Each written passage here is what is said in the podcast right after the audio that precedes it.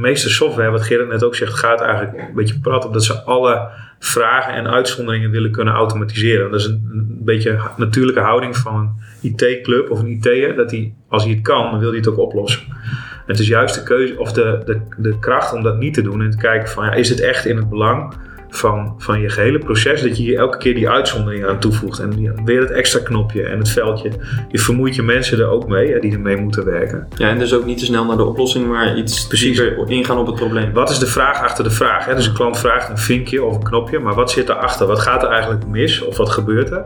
Waar, waardoor die klant die vraag heeft. Dat is wat wij continu proberen, proberen te doen. En waardoor we ook proberen om het. Het is misschien niet altijd eenvoudig, maar we proberen het wel zo eenvoudig mogelijk eh, te houden, zeg maar. Yes, welkom weer bij een nieuwe aflevering van de SaaS Bazen Podcast. Leuk dat je luistert. Mijn naam is Johan de Wit, ik ben de host van deze podcast, oprichter van Noordhaven en met mijn team help ik SaaS bedrijven met de groei van hun bedrijf. In deze podcast praat ik met SaaS-bazen, met oprichters en CEO's, CTO's, COO's van eh, Nederlandse en Belgische SaaS-bedrijven. En ik praat met hun over eh, de groei die zij hebben doorgemaakt met hun bedrijf. Met alle lessen en inzichten en eh, struggles ook die daarbij horen. In deze aflevering hoor je Peter Hager en Gerard Lode van Simplicate. Simplicate is, een, eh, ja, is business software voor zakelijke dienstverleners. eh, variërend van accountants tot eh, bijvoorbeeld creatieve industrie. Zij hebben Simplicate opgericht in 2014 en sindsdien zijn ze erg snel gegroeid. Ze horen bij de snelst groeiende organisaties, SaaS-bedrijven van Nederland en hebben daarin, daarvoor ook diverse awards gewonnen. Inmiddels hebben ze meer dan duizend klanten en eh, die bedienen ze vanuit twee locaties in Nederland. Eh, Groningen, het hoofdkantoor en in Amsterdam. Eh, binnen Simplicate is eenvoud het sleutelwoord. Het zit zelfs in de naam opgesloten. Een andere gast die ik eerder in deze podcast heb geïnterviewd, Casper Bakker van Picker, die benadrukte ook al het belang van eenvoud in SaaS. En vandaag hoor je dus de visie van Simplicate daarop. Eh, Gerard en Peter hebben het bedrijf samen opgericht en hebben het dus in een hoog tempo uitgebouwd naar een toonaangevende SaaS-oplossing.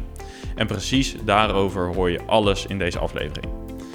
Zoals in iedere aflevering ga ik ook vandaag op zoek naar de lessen en inzichten die zijn opgedaan tijdens dit proces. Het bouwen van zo'n organisatie is een enerverende ervaring, dat zal iedereen begrijpen. En eh, ja, iedere SaaS-baas eh, kan zich dat ongetwijfeld voorstellen. Laten we dus snel naar het interview gaan. Eh, hier hoor je mijn gesprek met Gerard en Peter. En stel jezelf in de gelegenheid om notities te maken, want je gaat de nodige inzichten krijgen. Dat beloof ik.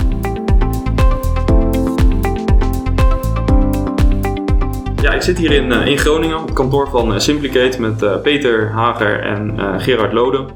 Eh, en ja, we willen vandaag iets eh, gaan inzoomen op het eh, verhaal van Simplicate. Dat gaat natuurlijk een heel aantal jaren terug. Er is veel, vertellen, veel over te vertellen sinds de oprichting. En ja, we gaan op zoek naar belangrijke lessen, inzicht, de succesverhalen om te kijken wat we daarvan kunnen leren. Om te beginnen, kunnen jullie in een paar zinnen vertellen hoe het is ontstaan en waar jullie vandaan komen? Nou ja, ik. Ja, Peter Hagen. ehm, samen met Gerard, dus een van de oprichters van, eh, van Simplicate. Ehm, ik heb bedrijfskunde gestudeerd. Altijd heel veel gedaan met IT. Vanaf vrij jong gaan, eh, gaan programmeren. Op een gegeven moment eh, ja, liep ik rond met iets van een idee voor, voor Simplicate. Iets van een tool waar je eigenlijk het proces van eerste klantcontact tot en met factuurgoeding kon, eh, kon managen. Ehm, tijdens mijn studie daar al wat, eh, wat opzetjes voor gemaakt. Toen kwam ik Gerard tegen. Nou, die moet zich zo zelf maar even introduceren. En zijn we eigenlijk samen verder gegaan om dat, eh, om dat eh, uit te bouwen. Ja, en onze route. Over Ja. welk jaartal hebben we het dan ongeveer? Eh, we zijn elkaar in 2012 eh, tegengekomen. Eh, en, eh, en toen ook samen gaan, gaan werken. Ja. Helder? Ja, nou, ik ben Gerard Lode. Ik ben van eh, oorsprong eh, heb ik bedrijfseconomie gestudeerd. En ben daarna eh, registeraccountant geworden. Een paar jaar in accountancy eh, rondgelopen. Maar me snel, vrij snel gespecialiseerd eh, in bedrijfsvoering, efficiënte bedrijfsvoering. Nou, dat uh, veel geïmplementeerd, ook uh, samen met EEP-software.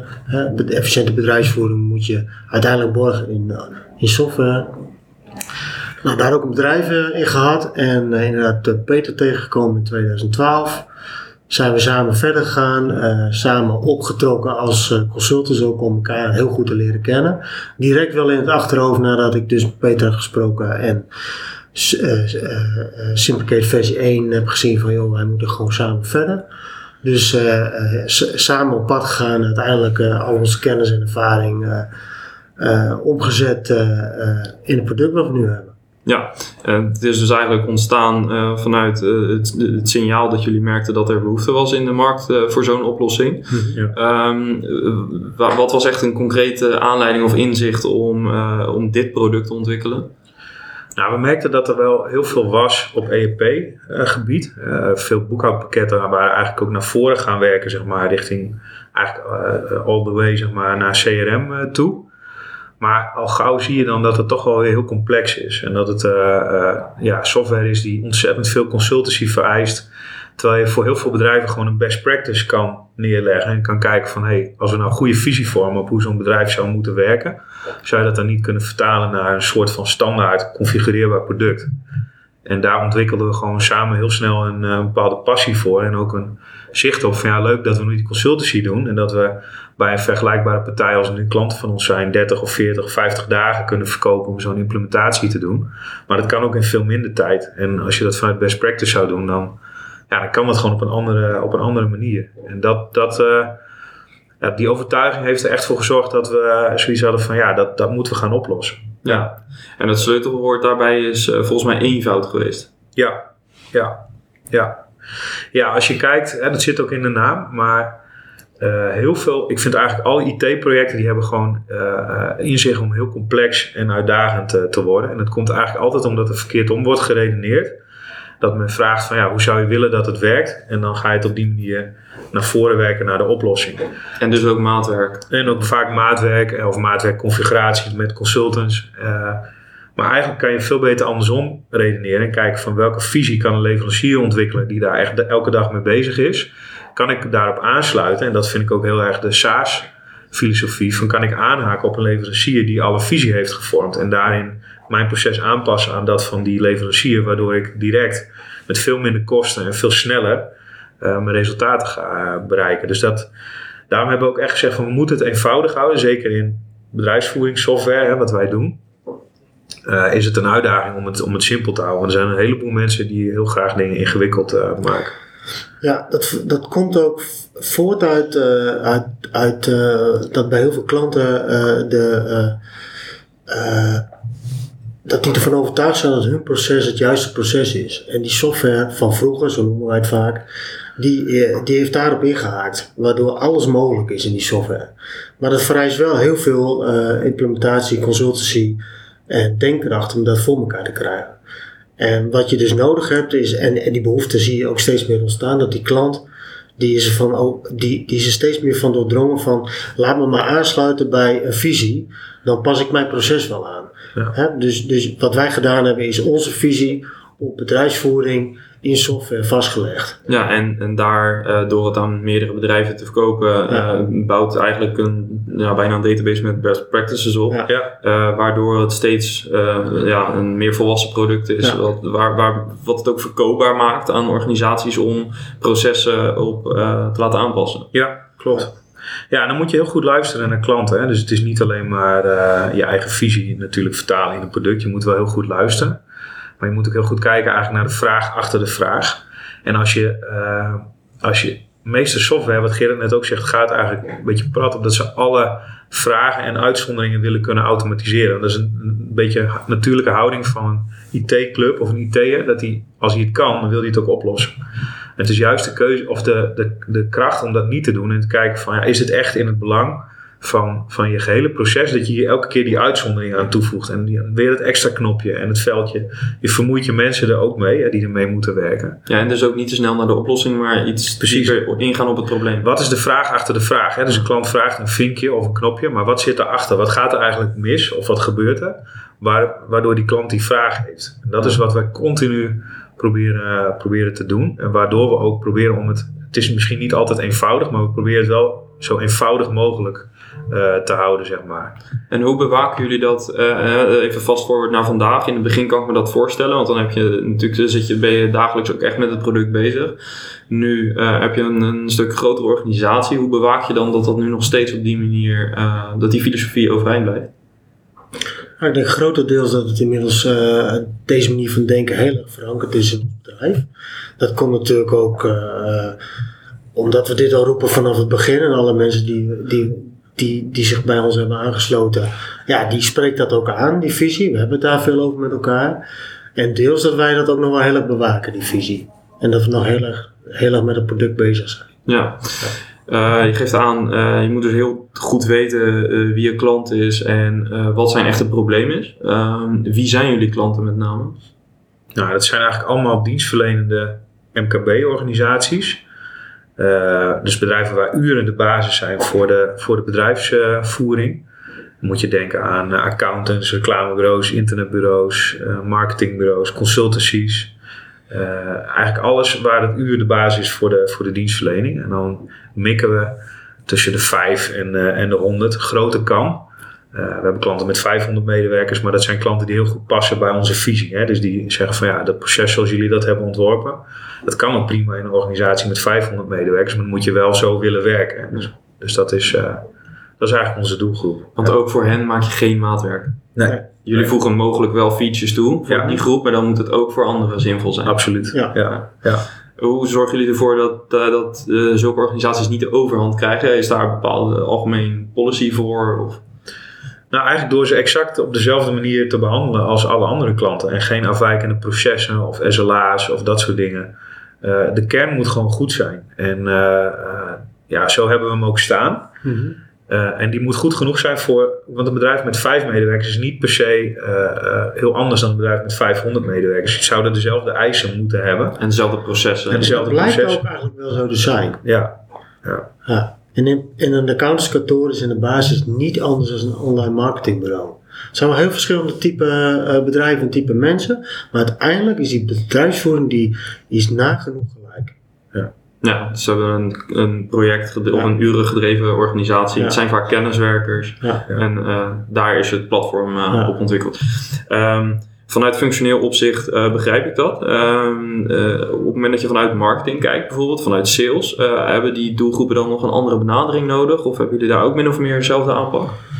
Nee, die hebben wel andere benadering nodig. Dat is ook wel iets waar we veel in geleerd hebben. Dat je, ehm, ja, je, je moet met persona's gaan werken. Nou, je, je hebt zelf een marketingachtergrond. Wij moesten dat nog wel iets meer eh, eh, leren. Eh, maar je moet eigenlijk gaan kijken naar wie, wie zijn de beslissers, hoe denken zij. Ehm, ja, wat vinden ze belangrijk in het product? Hè? Voor een marketingbureau die kijkt toch naar andere dingen dan, dan een accountant. Maar wat onze klanten heel erg met elkaar bindt en wat ook, waardoor we ook wel proberen dezelfde taal te spreken, is dat we eigenlijk altijd zien dat het early adopters zijn. Klanten die anders willen werken, begrijpen dat de wereld gaat veranderen, dat verdienmodellen continu veranderen. Ehm, nou, en dat, dat delen ze heel erg met elkaar. En daar, daarin spreken we ook geen andere taal. Dus we zeggen van je moet, je moet bij ons verhaal passen. Dus een hele traditioneel denkende club, dat gaat niet werken. Eh, eh, maar de, de moderne denkers, of het dan nou een accountant is of een marketingbureau, die, die passen hierbij. Maar we proberen wel de taal van die branche te spreken. Want in accountancy ja, denk, denkt men toch anders dan in, de, in dat marketingveld bijvoorbeeld. En hoe ziet dat er in, in het sales traject uit? Eh, qua intensiviteit van opvolging van leads? Want ik kan me voorstellen dat een marketingbureau eh, wellicht iets meer bekend is met het gebruik van SaaS-producten. Misschien wat makkelijker wat eerder geneigd is om na één gesprek of online eh, een, een proefperiode af te nemen. Terwijl misschien bij een accountant eh, die afstand iets groter is. Ja, dat heeft ook mee te maken dat de ene markt, die is inderdaad al wat meer bekend met SaaS. En dan heb je het over inderdaad de online marketingbureaus bijvoorbeeld. Dus die kan je beter online, online benaderen, maar ook wellicht online een demo geven. En eh, hangt, het heeft ook mee te maken met eh, wat vervang je. Want je vervangt eigenlijk altijd iets eh, voor Simplicate. En bij online marketingbureaus zijn dat vaak een, een aantal SaaS-tooltjes. Hè, die zijn dus al gewend om met SaaS te werken, die zoeken naar een geïntegreerde oplossing, omdat het anders veel te complex aan het worden is. En in de accountancy zie je vaak vervanging van één meer traditioneel pakket. En dan zie je meer behoefte aan modernisering. Ja, Maar die zijn nog wel heel erg gewend aan de traditionele manier van een leverancier. Dus een leverancier komt langs bijvoorbeeld, van dat zijn we gewend. Dus daar zien we wel een verschil. ja dus in het salesproces eh, zitten daar eh, de verschillen. Ja. Ja. Ehm, een ander eh, kernwoord naast eh, eenvoud is eh, flow. Dat noemen jullie op de website een aantal keren. Ja. Eh, wat bedo- bedoelen jullie daarmee?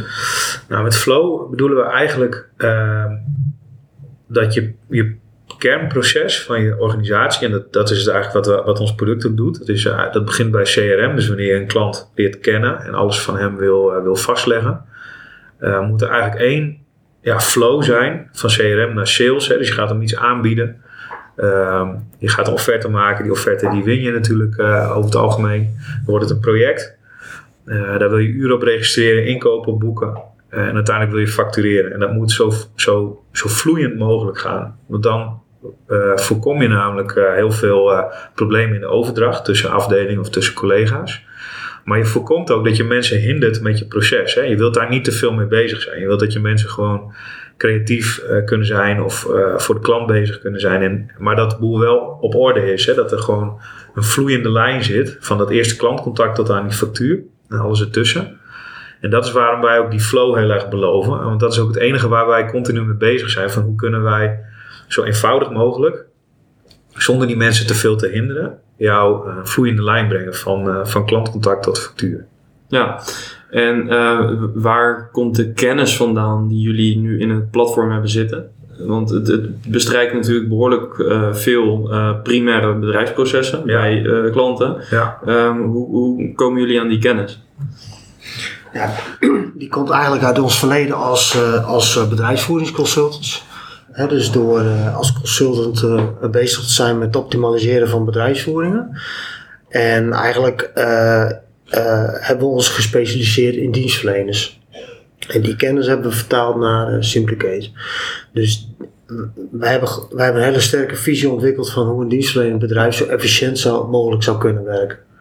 Ja. En die hebben we vertaald naar onze software. Ja. Ja. En eh, als je het dan hebt over eh, de, de organisatie en, en jullie rol daarin, eh, in welke mate zijn jullie daar nog bij betrokken? Of, of krijgen jullie ook bijvoorbeeld feedback vanuit accountmanagers? Hoe, hoe werkt dat bij jullie? Ja, ja, we krijgen zeker veel feedback.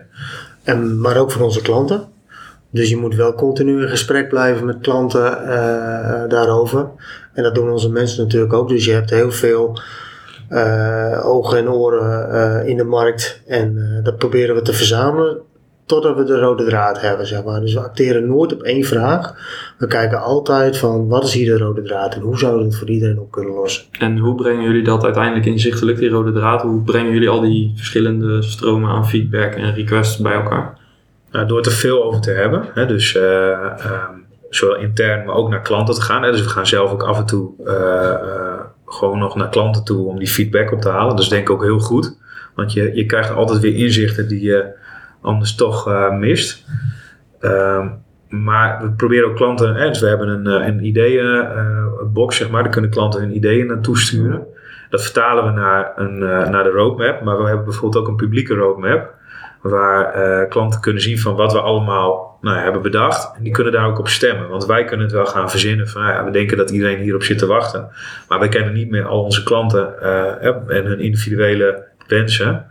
eh, eh, in, één, in één persoon dat die dit allemaal kent. Dus wij we proberen op die manier eh, gevoel te houden bij eh, A, de input ophalen. B, goed kijken van wat is, wat is nou de vraag achter deze vraag. Hè? Wat, wat bedoelen ze nu precies? Wat is die rode draad die, eh, die Gerard net benoemt? En vervolgens ook dat idee eigenlijk te pitchen aan de klanten via die roadmap. En te kijken hoeveel stemmen krijgt dat. Waarbij je dus soms ziet dat dingen waarvan wij niet per se verwacht hadden dat die eh, heel gewend zijn, dat die heel veel stemmen krijgen. Of juist ook andersom, dat we denken, nou dit is echt een killer feature. Ja. En dan krijgt hij heel weinig stemmen. Dus dat, dat, dat helpt heel erg, dat, eh, dat proces. Ja, En dan priori- prioriteren we de ontwikkeling ook echt op basis van de stemmen Ja. die deze features krijgen in de publieke roadmap. ja. En heel praktisch, dat is het Trello-bord wat jullie publiek dus Ja. eh, via Ja. de website beschikbaar stellen. Ja, ja. Oké. Ehm, op het moment dat we kijken naar, ehm, op, op jullie website uh, naar de marketing, ehm, dan zien we dat jullie het hebben over de drie uh, assen van een succesvolle bedrijfsvoering: mensen, processen, systemen.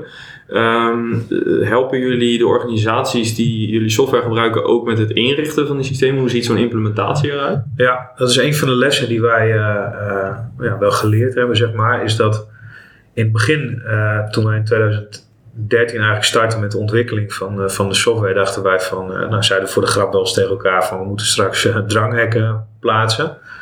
Nou, dat bleek in de praktijk wel heel anders te zijn en het bleek best wel veel touch nog nodig te zijn om, om dit product A te verkopen, maar B ook te implementeren.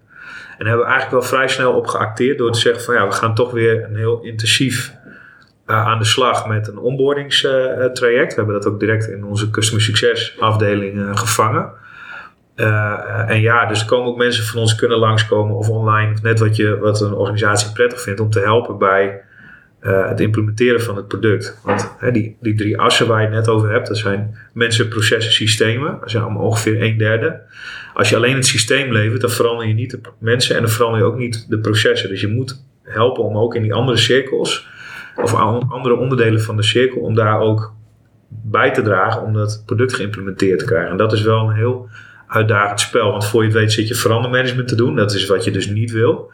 Maar je moet precies de grens opzoeken van waar, hoe ver kunnen we onze dienstverlening toch standaardiseren, maar toch ook helpen om het geëmbed te krijgen in die, in die organisaties. Anders gaat het gewoon niet lukken. Maar het kan dus ook, uh, onderdeel daarvan zou kunnen zijn dat je draagvlak gaat creëren bij een klant. Uh, Bijvoorbeeld bij bepaalde gebruikers die misschien sceptisch zijn. Of... Nee, dat, dat doen we dus niet. Maar we helpen wel uh, tijdens die onboarding om klanten handvaten te bieden om, die, uh, om dat wel te laten lukken. En een van die dingen is bijvoorbeeld dat we altijd als doel hebben gehad dat een eindgebruiker niet op training hoeft. En uh, dat merken gebruikers. Dus die krijgen een login en die kunnen eigenlijk direct los. Dus daarmee helpen we ook onze klanten. En met die eenvoud ook om wel uh, ervoor te zorgen dat het ook gaat, echt gaat lukken op die manier. Uh, en door het juist zo goed mogelijk te implementeren en goed met die klant na te denken van hoe vertaal je nu dat proces naar dit product. Hè? Dus hoe pas je eigenlijk de organisatie aan zodat de Simplicate manier van werken ook voor jouw club gaat, gaat draaien.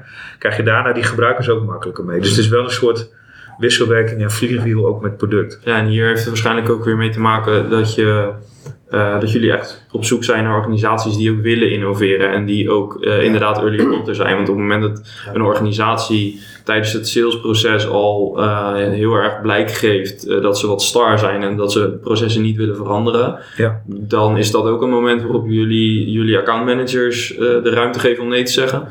Ja, zeker. Het ja. moet passen, het moet 100% doelgroep zijn, want anders dan, ja, dan verkopen we nee. En we verkopen nee, omdat we anders weten dat we de rest van de organisatie opzadelen met een, uh, met een misfit. En dat uh, leidt ontzettend af. Dat leidt tot frustratie bij de klant, maar ook bij onze afdeling en onze mensen. En dat is gewoon iets wat ontzettend afleidt en niet bijdraagt aan het halen van je doelstellingen. Bovendien wil je ook graag hele tevreden klanten. Daar, daar zetten we ook hoog op in om klanten heel tevreden te maken. Want die tevreden klanten, ja, die helpen jou ook om verder te kunnen groeien. Dat zien we gewoon ook als een hele belangrijke bron om verder te kunnen groeien. Je moet altijd referenties kunnen overleggen bij een nieuwe klant. En een klant gaat ook actief op zoek naar referenties. Dat heeft ze zelf vaak al gevonden. Dat is gewoon ontzettend belangrijk. En daar, daarom hebben we ook deels die onboarding weer in het leven geroepen. Want in het begin waren wij echt wel van overtuigd van, nou, we hebben zo'n eenvoudig product gemaakt, dat snapt iedereen. Dat gaat direct, uh, dat snap je zo snel. Dat, uh, daar heb je geen hulp bij nodig. Dat is eigenlijk ook wel een van de doelstellingen toen we begonnen. Van de doelstelling is dat iemand het direct snapt en het direct aan de slag gaat. Nou, dat is dus niet helemaal gelukt, omdat er soms ook wel wat uh, uh, ja, eigenwijsheid is bij klanten. en je moet ze ook gewoon overtuigen van, van, van de visie. Het is niet alleen de software die we verkopen, maar ook de visie daarachter. En je moet dus je bedrijfsprocessen vertalen in jouw bedrijf, in jouw uh, jouw dienstenaanbod vertalen naar Simplicate en dat goed inrichten. En voor je het weet maak je daar een, daar een fout waar je gewoon de rest van je, de rest van je, van je, van je van, van, van het gebruik van de software last van hebt. Dus daar proberen we ook gewoon voor te zijn. Ja. En uh, dat is helemaal geen. Dit, het is wel een relatief intensieve onboarding, omdat je ook veel moet doen als klant. En je, het is gewoon wel, het hele bedrijf gaat over op Simplicate. Maar we denken wel dat we erin geslaagd zijn om het ten opzichte van traditionele ERP-producten, om het in grofweg 10% van de tijd te kunnen doen als, eh, als eh, traditionele pakketten dat kunnen. En dat is toch wel een enorme win. En 10% van de, van de eh, consultietijd, hè, dus kosten voor de klant. Maar ik denk ook wel nou misschien niet 10, maar wel eh, een veel kortere implementatietijd. Je kan bij ons echt in twee weken op running zijn. En dat lukt je echt niet met traditionele ERP-software. Nee, dus time to market is Ja. eh, daar Ja, heel belangrijk. eh, Ja. Je hebt heel snel eh, je doelstellingen gehaald. Ja. Eh, en het is misschien ook logisch gezien eh, de, de, de impact van jullie software. hè. Je gaat toch echt eh, je hele bedrijfsprocessen eh, daarop runnen, je primaire bedrijfsproces Mhm. vaak. Ja. Eh, is het ook begrijpelijk dat daar eh, bepaalde dingen in eh, het klantproces misschien moeten veranderen. Eh, het is geen SaaS-tool waarmee je alleen even een CRM-systeem gebruikt eh, Nee. of alleen een takenlijstje met je collega's deelt. Het eh, Nee. doet natuurlijk veel meer dan dat. Ja. En vraagt er ook eh, natuurlijk om dat afdelingen gaan samenwerken. Ja. Klopt. Dus dat is ook eh, ja, in die zin Ja. logisch dat die onboarding en implementatie eh, wat eh, persoonlijke aandacht nodig heeft. Zeker. Ja, en sales ook al, het begint al bij sales. Ja. En eh, ook heel goed kwalificeren, daar hadden we het net al even over. Maar je moet gewoon, eh, je moet ook heel eerlijk durven zijn naar zo'n klant. Ik denk dat heel veel eh, partijen niet altijd even eerlijk zijn. Die willen toch de deal hebben. En we hebben gewoon echt geleerd van om ons, als je ook kijkt naar ons portfolio van klanten, om dat heel kwalitatief op te bouwen. Omdat, nou, wat Gerrit net ook zei, als je één klant aansluit die net niet past, of dat geeft zoveel druk op een organisatie, dan moet je echt, eh, echt voor waken. Ja. Zijn er ook eh, momenten of tijden geweest eh, waar jullie, ik kan me voorstellen bijvoorbeeld in het begin, eh, dat dit wat moeilijker was? Omdat je met een bepaalde omzetdruk zit. Eh, Nou, in het begin ben je natuurlijk, eh, ga je met, eh, een, met het pakket de markt op. En dan, je, je toetst ook je product market fit. Hè, van hey, waar, eh, waar ligt ons bestaansrecht? En eh, je ziet heel veel kansen in het begin. Dus dan eh, sluit je eigenlijk, eh, nou ja, om het maar in plat te zeggen, elke klant aan die het wil kopen. En daarvan leer je. Want op een gegeven moment zie je dus dat bepaalde groepen klanten eh, niet 100% passen. En dat er dan die druk op de organisatie ontstaat die ik net zei. En daar hebben we heel snel op geacteerd van eh, wat, wat zijn de klanten die de beste fit hebben met ons. Eh, die, die klanten geven ons energie en wij geven die klanten energie. En daar hebben we vrij snel op geacteerd. ja, en dat heeft eigenlijk dus eh geresulteerd in dit inzicht. Dat je inderdaad eh, wat eh, implementatie eh, wil doen, maar dan alleen bij eh, organisaties die echt heel duidelijk eh, aansluiten bij Ja. eh, het Ja. probleem dat jullie kunnen oplossen. En dat is wel heel moeilijk hoor. Want als je ook kijkt, we kijken veel in Amerika voor, eh, voor kennis en, eh, en, en info. En dan zie je eigenlijk ook wat zij zeggen. Het allermoeilijkste is een beetje dit segment, hè, dus een MKB. Eh, eh, waarbij die zich eigenlijk gedragen als een beetje de enterprise klant. Dus ze hebben veel vragen, requests voor proposals, eh de eisen en wensenlijsten, dat soort dingen. Ehm, en tegelijkertijd wil je wel eh, het SaaS-model kunnen doen. Dus dat betekent korte sales cycles. Je, eh, je customer acquisition cost wil je eigenlijk binnen een jaar terugverdienen. Eh, je onboarding moet, moet je goed organiseren met customer succes. Dus dat is best wel een hele avontuur geweest, een uitdaging om dat precies zo te krijgen. Dat je dus wel als een SaaS-bedrijf echt kan opereren. En ook binnen die metrics gewoon uitstekende cijfers kan laten zien. Maar tegelijkertijd wel aan die wensen van die klant tegemoet kan komen. En ook kwalitatief zo'n klant kan voorzien van alle info en, en onboarding die die, eh, die die nodig heeft tijdens de sales, maar ook tijdens de implementatie. Dus dat ehm, ja, Ja. is wel eh, lastig. Ja. Eh, welke eh, beslissingen of welke acties hebben echt in nou, grote mate bijgedragen uiteindelijk aan, aan het succes? Is er een bepaald moment in de afgelopen jaren waarvan jullie zeiden, nou, toen we dat hebben aangepast, toen we dat besluit hebben genomen, eh, toen eh, is de groei versneld? Zijn er bepaalde momenten? Nou, Te is eigenlijk een opeenstapeling van keuzes en fine-tuning. Wat we in het begin te veel gedaan hebben, is eh, eh, het aangevlogen als, eh, als SaaS, als, als no-touch SaaS. Hè. Dat is eigenlijk ook een beetje, wat Peter net ook zegt, in Amerika eh, eh, haal je heel veel kennis en daar wordt het echt eh, heel erg als no-touch eh, gepresenteerd. Dus eh, klanten maken een demo aan op je website, eh, die, die proberen dat 14 dagen en kopen daarna. Bijna zonder eh, dat je ze aan hoeft te raken.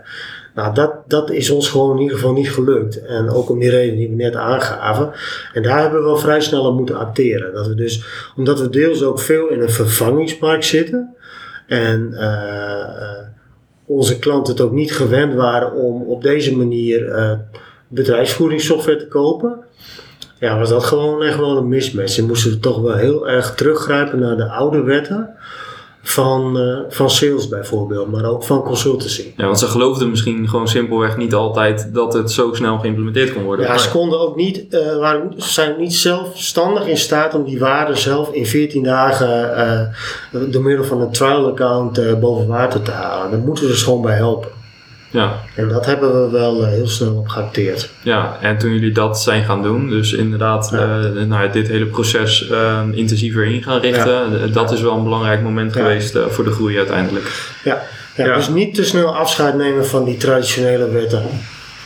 Die Nee, toch dus, zijn. dus jullie hebben eigenlijk nu de sweet spot gevonden tussen waar jullie vandaan kwamen vanuit de consultancy en Ja. dat wat, je, eh, wat eigenlijk de conventies zijn in de, in de SaaS-wereld. Ja, Ja, en wat we dus ook wel heel erg merken is, kijk, als je dus zeg maar online no-touch sales hebt, dan zou je in principe de hele wereld over kunnen. Maar wat wij ook wel merkten is dat onze doelgroep het heel fijn vindt dat we een Nederlands bedrijf zijn, dat je Nederlandse mensen hebt die, hè, die de telefoon opnemen, die jou kunnen helpen, te woord kunnen staan.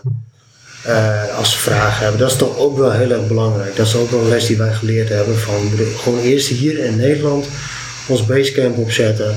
ja. Eh, hier moet eerst alles gebeuren en dan kunnen we daarna wel eens kijken hoe gaan we diezelfde eh, operatie in het buitenland doen. ja. Ja, Er is natuurlijk ook heel veel content beschikbaar. Hè? Allerlei blogjes en artikelen. En vaak komt het van VC's. En eh, dat is heel interessant en dat is ook heel leerzaam. Maar het is wel gevaarlijk om dat altijd direct voor waar aan te nemen.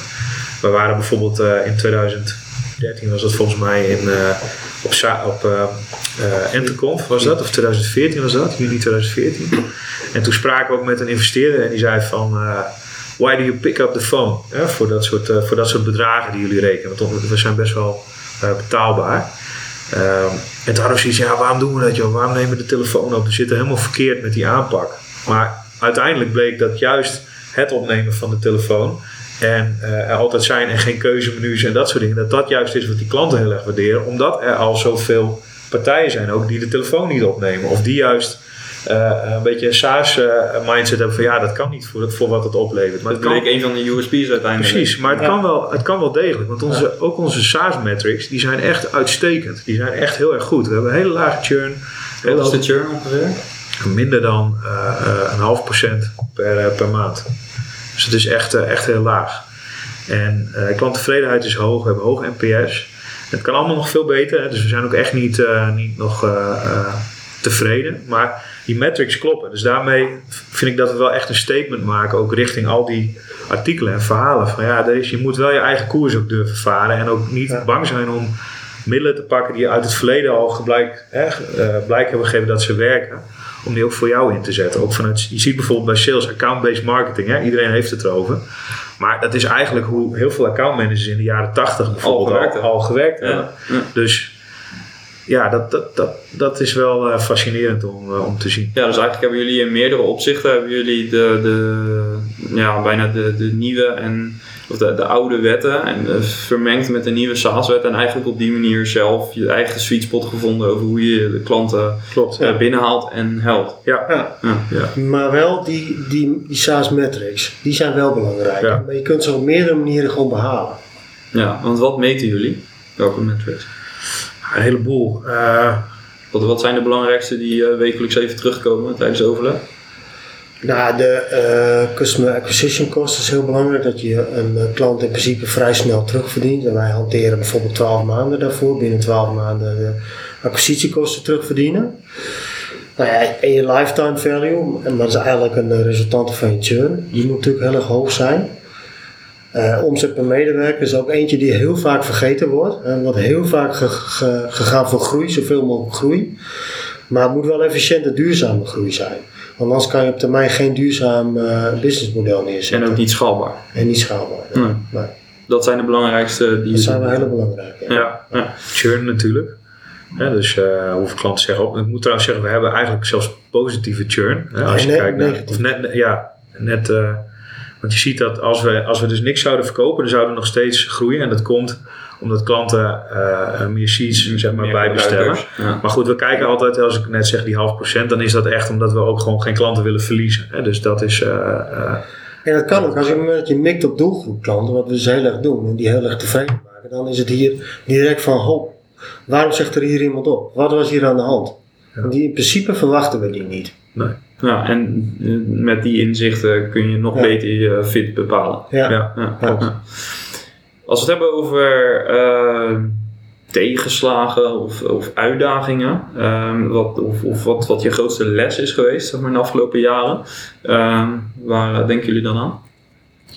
Nou, sowieso is het bizar op wat voor niveau je een bedrijf moet opbouwen om dit op, eh, op hoog niveau te doen. Je, moet, je kan niet meer eh, een beetje aan, eh aanknoeien op één onderdeel. Je moet het beste development team hebben, het beste marketing team, beste sales team, beste customer succes. En die vijf onderdelen alleen al zijn ontzettend uitdagend. Dus heb je heel, heel veel, moet je echt veel over leren, wil je dat goed, goed kunnen doen. Om die metrics daarna goed te houden.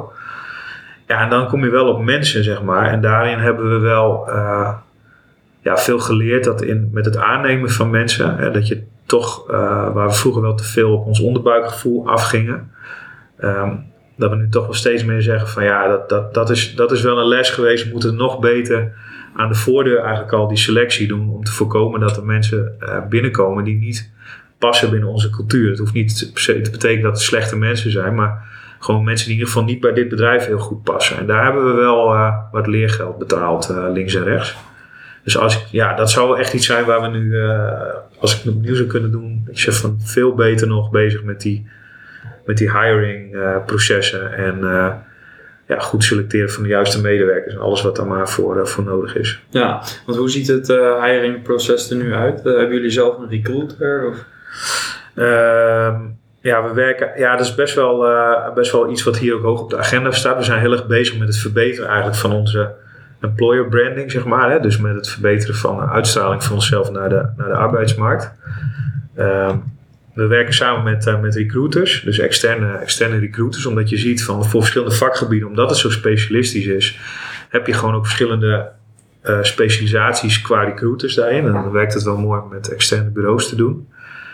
Ehm, nou, via het eigen netwerk doen we heel veel. Dus heel veel mensen komen hier ook gewoon binnen via een collega of een vriend of een kennis. Of, eh, dus dat werkt, eh, dat werkt ook voor ons. Maar die gaan nu steeds vaker door een gestructureerd proces heen, waar Ja. die voorheen misschien Ja. wat makkelijker inderdaad eh, meteen contact kregen. Even een Ja. door de bocht. Nee, dat is precies, dat is, ja, dat klopt. We trekken er steeds meer tijd voor uit. ja, ja. Ja. Ja. Eh, zien jullie daar nog verschil in eh, Amsterdam en Groningen? Want jullie hebben natuurlijk twee eh, locaties waarvanuit jullie werken. Ja. Hier waar we nu zitten in Groningen en in eh, Amsterdam sinds een tijd. Ja. Eh, zie je daar nog verschil in als het gaat om eh, recruitment en het eh, vinden van mensen? Nee, eigenlijk niet. Ik denk dat het een beetje hetzelfde proces is wel hoor. Je hebt wat andere competenties in Groningen eh, zitten en in Amsterdam. In Amsterdam zit gewoon meer marketing en sales competenties. Maar het development team hebben we hier in Groningen. En eh, we hebben hier ook uitstekende IT-opleidingen. En eh, ja, dat, dat vinden we ontzettend prettig werken hier. Ja, en die zijn goed invulbaar. Ja, het is wel moeilijk, hoor. moeilijk, maar het, het lukt wel. Ja, en naarmate je naam en team groeit, Precies. dan wordt dat makkelijker. Ja. Ja. Eh, zal het misschien ook helpen dat jullie regelmatig genoemd worden met eh, awards. Laatst met de Deloitte Technology Fast 50. Ja. Kun je daar iets over vertellen? Hoe is dat tot stand gekomen? Nou ja, we hebben gewoon eigenlijk in het begin tegen elkaar gezegd van er is één prijs voor ons die, we, die ertoe doet en dat is de Fast 50. Eh, omdat dat gewoon, ja, het gaat ook om, om echt om harde omzetgroei. Er staat ook symbool, hè, want in 2015 eh, toen we eh, naar de markt gingen, ja, dan ben je, dan, eh, dan ben je daar natuurlijk nog onzeker over. Hè? Ga, hoe gaat het lukken? Alhoewel we behoorlijk overtuigd waren dat het ging lukken. Natuurlijk, dat moet iedere ondernemer zijn. Maar we zeiden wel tegen elkaar van als we nou over vier jaar in de Deloitte Fast 50 staan, dan is het wel gelukt. Ja. Nou ja, en dat, eh, daar is uitgekomen. En daar zijn we denk ik wel eh, heel erg trots op. Ja. Ja. Ja. En dat maakt het naar de arbeidsmarkt eh, wellicht ook wat makkelijker. Ja, Denk absoluut. wel, ja. absoluut. Zeker de, de, de, de uiteindelijke ranking. Hè. We zijn vierde geworden met eh, iets van 3000, eh, 3013 eh, procent groei. Ja, je merkt wel dat dat wel iets doet met mensen. Van zo, eh, we wisten wel dat het daar eh, eh, hard ging, zeg maar. Maar dat het zo hard ging. Ja, en daar willen mensen graag onderdeel van zijn. En dat, maar dat is ook gewoon heel leuk om mee te maken. Het is voor onszelf ook, zeggen we vaak, ook waarschijnlijk een once in a, in a lifetime. Dus ja, het is heel, heel tof om daar ook, ook onderdeel van, van uit te maken. Ja. Als we iets verder vooruit kijken, eh, eh, eh, wat kunnen we van jullie verwachten? Waar staan we dan over nog eens vijf jaar? Is dat internationalisatie of zijn dat hebben jullie andere ambities? Nou, internationalisering is voor ons iets waar we wel heel nadrukkelijk naar kijken, maar vooral ook heel goed over willen nadenken voor we dat gaan doen. Hè. We hebben natuurlijk nu een model ontwikkeld wat heel goed werkt voor Nederland. Ehm, de vraag is hoe, hoe vertalen we dat naar het buitenland? En je ziet dat daar gewoon eigenlijk geen eh, playbooks standaard voor zijn, zeker niet binnen Europa, om dat, om dat goed te gaan doen. Dus daarin eh, zijn we ook voorzichtig qua ambitie om die ook in de begroting of dat soort dingen op te nemen. We reserveren er wel altijd budget voor om daarmee te gaan experimenteren. Uh, maar in Nederland hebben we ook nog een ongelooflijk uh, marktpotentieel liggen als je kijkt naar de doelgroep en, uh, en ja, hoeveel daar ervan zijn en wat er nog, wat er nog vervangen en vernieuwd kan worden. En, en gezien hier in het Europese gedeelte, zeg maar, ook wel een markt die vrij adaptief is daarin. Klopt, ja. ja, ja. En de SaaS, hè, dat, dat zeggen, zeggen de Amerikanen ook steeds, hè, de zon is net op in SaaS-land. Nou, we zijn er gelukkig bij en ook al een aantal jaren. Um, dus ja, we, we, we, we, kijken eigenlijk vooral steeds in een soort van basecamp filosofie. Elke keer van een jaar of drie vooruit. En onze doelstelling is om binnen nu en, en drie, drieënhalf jaar nog te verdriedubbelen. Uh, en dan, dan kijken we vanuit daar weer eens even verder. En dat moet sowieso binnen Nederland kunnen. Buitenland heeft wel onze aandacht, staat ook in onze plannen. Maar gaan we gewoon met een heel gedegen strategie mee aan de slag. Want anders dan kun je daar echt serieus uh, nat op gaan, zeg maar. Ja, en de manier waarop jullie dat zouden doen is eerder experimenteel dan dat het echt uh, ineens een, een hele grote uh, ja. stap wordt. Ja, ja, ja. ja. Met lokale aanwezigheid, dat weten we inmiddels wel. Dat het niet uh, zonder lokale aanwezigheid, zonder lokale mensen gaat lukken. Dat weten we inmiddels wel. Dus het zal, uh, het zal al een, een, een, een, een soort olievlek uh, uitbreiding worden. Ja. ja. Alright. Um, ik zou het graag nog even willen hebben over uh, jullie rol uh, binnen het bedrijf. Uh, opvallend vond ik aan jullie LinkedIn profiel dat jullie um, jezelf presenteren als co-CEO. Ja. ik had dat nog niet zo heel vaak gezien. wat is de idee daarachter en hoe ziet jullie rol eruit? Wat is de taakverdeling? Ja, dat is, dat is eigenlijk wel, wel een heel grappig proces geweest. Kijk, op het moment dat je met z'n tweeën begint, dan ben je gewoon met z'n tweeën, zeg maar. En dan doe je alles samen. En uh, uh, wij, wij, zijn sowieso allebei niet uh, heel erg gehecht aan titeltjes. Dus het heeft een hele poos, hebben we op LinkedIn termen als co-founder gestaan. Maar ja, dat is natuurlijk niet onze rol. Dat zegt meer iets over dat wij het opgericht hebben en hier eigenaren zijn. Maar onze rol is, is eigenlijk nog steeds hetzelfde gebleven als vroeger. We doen het heel erg samen. en dat kan ook heel snel gaan, maar ja, we sparren heel veel, uh, heel veel samen en we nemen eigenlijk ook de beslissingen samen. Net wat ik zeg, dat kan heel snel gaan dat je elkaar uh, heel goed kent en heel erg vertrouwt. Maar er zijn eigenlijk geen beslissingen die of ik of Peter neemt uh, zonder het even met elkaar erover te hebben. En het is ook niet zo dat, dat het heel nadrukkelijk zoiets is van nou, voor dit probleem uh, loop ik naar Gerard of voor dat probleem loop ik naar Peter. Dat is gewoon niet zo bij ons. Dus jullie hebben ook niet bepaalde ja, soort aandachtsgroepen, ja, expertisegebieden gedefinieerd? We hebben wel aandachtsgebieden. Wel. Maar, en dat is dat ik meer bedrijfsvoering doe en meer het financiële aspect van het bedrijf doe en Peter meer het uh, technische aspect van het bedrijf doet. Maar uh, het product doen we nog steeds ook heel erg samen. Alles functioneel, het product doen we heel erg samen. En als we het over strategie hebben, waar gaan we met elkaar naartoe? Ja, dat willen we gewoon samen eens zijn. Ja, en, uh, dus er zijn wel wat uh, nuances, zeg maar, wat ja. aandachtsgebieden. Maar ja. verder is het eigenlijk uh, jullie naar buiten toe, maar ook naar de organisatie toe. zijn jullie eigenlijk voor iedereen, voor elk probleem in die zin aanspreekbaar. Ja. En ja. pakken jullie het samen op. En het staat denk ik ook als symbool voor het feit dat, uh, uh, ja, dat we deze, uh, deze reis ook niet graag alleen hadden gedaan. Ik, ik weet zeker dat ik dit in mijn eentje niet gered had om hier te komen te staan op dit moment. Dat, dat lukt je gewoon niet. Je hebt gewoon een sparringspartner nodig. En, dat, en het feit dat we dit met z'n tweeën kunnen doen, En dat scheelt ook dat we hier vrij weinig eh, externe mensen eh, nodig hebben gehad om hier te komen. We hebben met z'n tweeën kunnen doen. Ja. Ja. Er is één eh, eh, vrij bekend bedrijf die het ook op deze manier doet en dat is Salesforce. En ehm, we, met eigenlijk, als ze hebben daar ook een uitleg op, eh, op, eh, op hun website over staan en dat sprak ons ook heel erg aan. Ze hebben dat is eigenlijk ook hoe wij het ook zien. En dan kan de hele wereld zeggen van ja, je moet één eh, poppetje hebben die het boegbeeld is en de CEO. Maar ja, wat, wat Gerard net zegt, die, die, dat, voor ons is dat niet zo nodig. En onze mensen missen dat volgens mij ook niet. Dat ze dan zoiets hebben van ah, wie, is nu, wie is nu de baas? Weet je? Want dat, die is er gewoon, dit zijn we gewoon samen. En het klinkt, het klinkt zou ik ook mensen zeggen, ah wat schattig of zo, weet je wel. Maar het is gewoon, het is gewoon iets, je moet gewoon zo'n uitdaging ook niet onderschatten. En, en ook wat het doet als je die rollen wel verdeelt. Dat je toch eh, ook misschien wel een beetje individualiseert of polariseert. Weet je, dat, en dat, dat hebben wij nu juist niet. Dus voor ons werkt het heel goed. Maar wat Gerard zegt, is wel heel belangrijk dat je eerlijk bent over dat je het alleen niet had gekund. Dat je het alleen ook niet kan, als Gerard er niet meer is. Dan, eh, eh, dan, dan, dan heb ik ook echt een uitdaging. En ik denk andersom ook. Dan moet je ook uit durven spreken.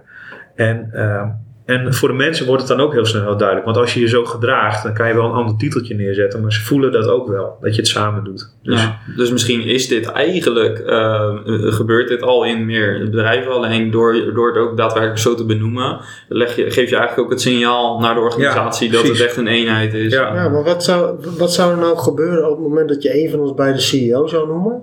Dan zou je denk ik alleen maar verwarring eh, creëren. Want Ja. iedereen weet dat het niet zo is.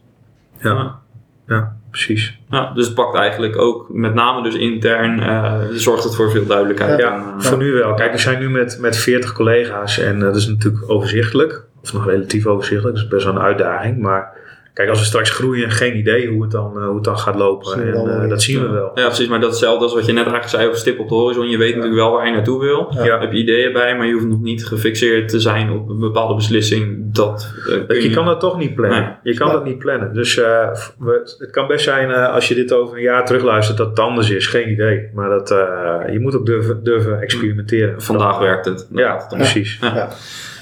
Goed. Ehm, ja, tot slot eh, ben ik altijd benieuwd naar ehm, inspiratie. Eh, we noemen eh, jullie niet voor niets uh, SaaS-bazen. Ehm, uiteindelijk, ik denk dat het voor iedereen belangrijk is om inspiratie, om geïnspireerd te worden.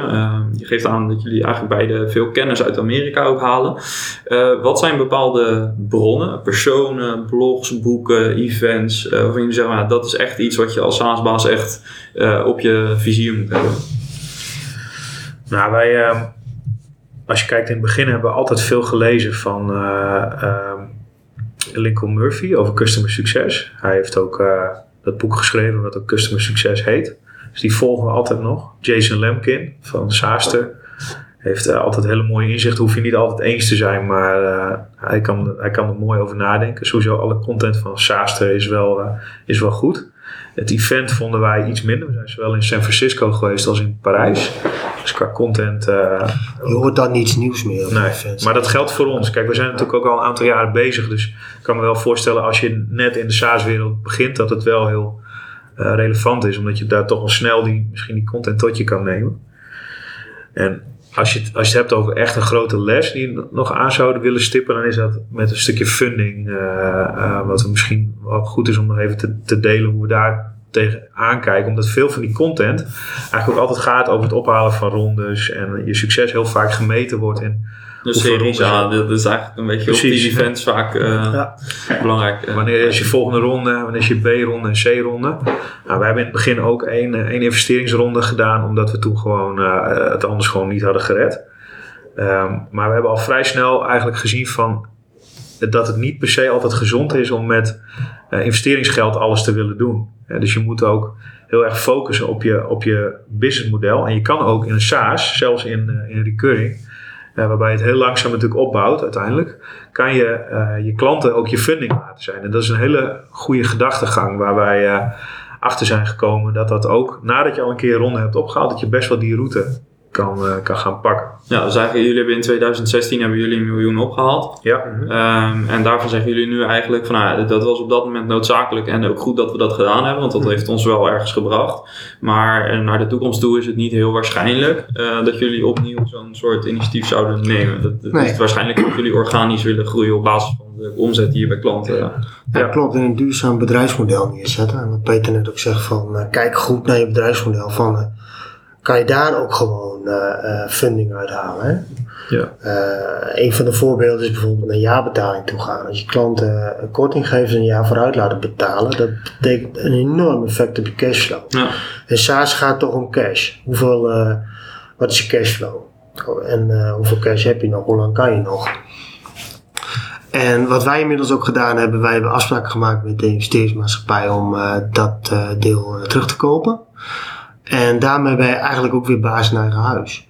Want iedereen die eh, een investeerder aan boord haalt, die maakt daarmee de keuze voor een exit. Want een investeerder die zit erin voor een exit. En daarmee heb je automatisch ook die keuze gemaakt. En dat moet je je goed realiseren. En ik denk niet dat iedereen zich dat goed realiseert.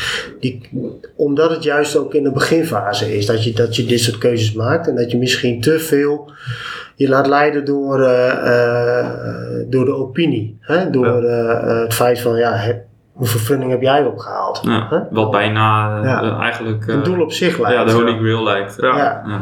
Ja. En dan kan het dus gebeuren, hè, van dat je op een gegeven moment een organisatie hebt staan waar een heleboel mensen werken en je moet dan je efficiency of je, bijvoorbeeld je omzet per medewerker gaan verhogen, omdat die investeerders op een gegeven moment zeggen, ja, nu wordt het tijd om eh, rendement te gaan laten zien. En dat is dan heel erg moeilijk, want het wordt ook cultuur. Hè? Als je cultuur maakt dat je heel erg bewust van bent dat klanten eh, eh, er zijn om jou in leven te houden, wat eigenlijk al heel oude, hè, ouderwets eh, ook weer is, als je het daarover hebt dan krijg je dat ook als cultuur. En dan krijg je ook dat je heel efficiënt om moet gaan met de middelen die je hebt. Met, met die klanten een enorme klanttevredenheid moet zien op te bouwen. Om maar gewoon ook dat te kunnen doen. Je pricing moet kloppen, dus je moet niet te veel vragen, maar ook niet te weinig. Het dwingt je gewoon om heel erg te kijken naar het bedrijfsmodel. En natuurlijk moet je niet met je, met je voet op de rem rond gaan rijden. Hè? Als we op een gegeven moment zien van... eh, we hebben nog een enorme opportunity en als we zien, daar hebben we gewoon geld voor nodig om die te pakken. Oké. Maar wel steeds vanuit die mindset en ook kijken van wat is daarna het scenario op het moment dat dat lukt en die investeerder zit erin. Wat gaan we dan doen en wat betekent dat? Daarna moet ik dan nog een rondje gaan doen of eh, Nou ja, en kijk ook goed eh, naar eh, vreemd vermogen. Want de, de bankaire wereld die raakt steeds meer bekend met SaaS. En dat zien we ons, ook bij onze eigen bankair, die inmiddels dat begrijpt en daar bereid in is om te helpen. En die moet je niet overslaan, die stap, want dan blijf je wel gewoon baas in eigen huis. En het is ook heel gezond om op termijn dat weer af te gaan lossen. Puur om te kijken naar je bedrijfsvoering en je businessmodel.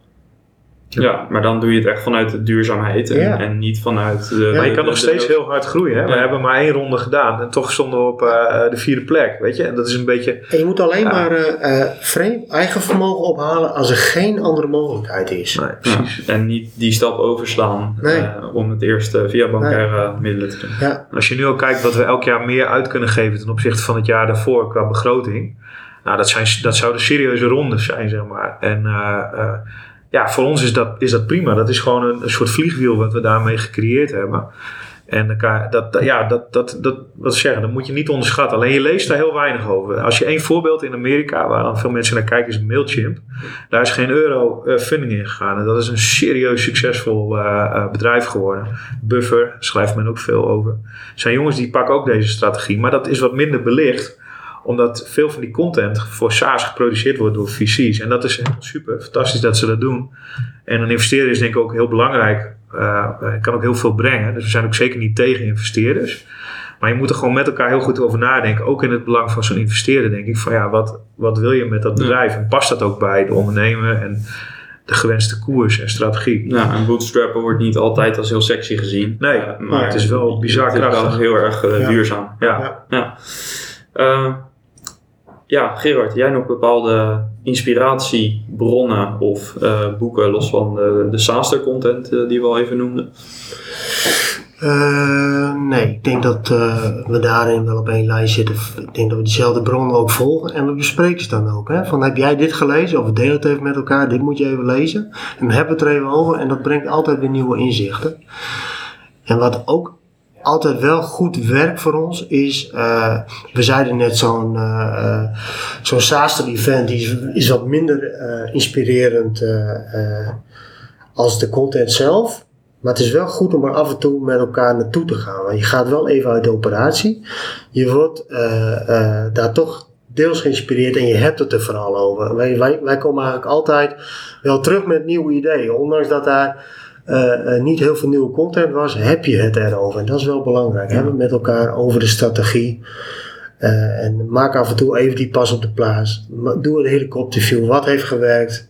Wat heeft niet gewerkt? Hoe moeten we de komende periode aanpakken? Ja, dus af en toe even een moment even weg en ja. uh, terugblikken ja. en vooruitkijken. En daarin kan misschien zo'n bezoek ook een bevestiging zijn soms. Ja, dat soms je, ook inderdaad een bevestiging zijn. Ja. Mooi. Mag ik jullie uh, ontzettend bedanken voor uh, ja, jullie uh, verhaal. openheid ook, eerlijkheid. En ja, ik denk een heel mooie samenvatting van de afgelopen jaren. Ook al is dat natuurlijk in sneltreinvaart. zullen we ongetwijfeld wat de hoofdlijn gepakt hebben. maar ik denk ja, nogmaals dat het voor heel veel andere mensen in vergelijkbare positie erg waardevol is om dit soort ja, groeiverhalen te horen. En daar ook weer ja, geïnspireerd door te worden. Dus nogmaals, dank daarvoor. Graag gedaan. Graag gedaan.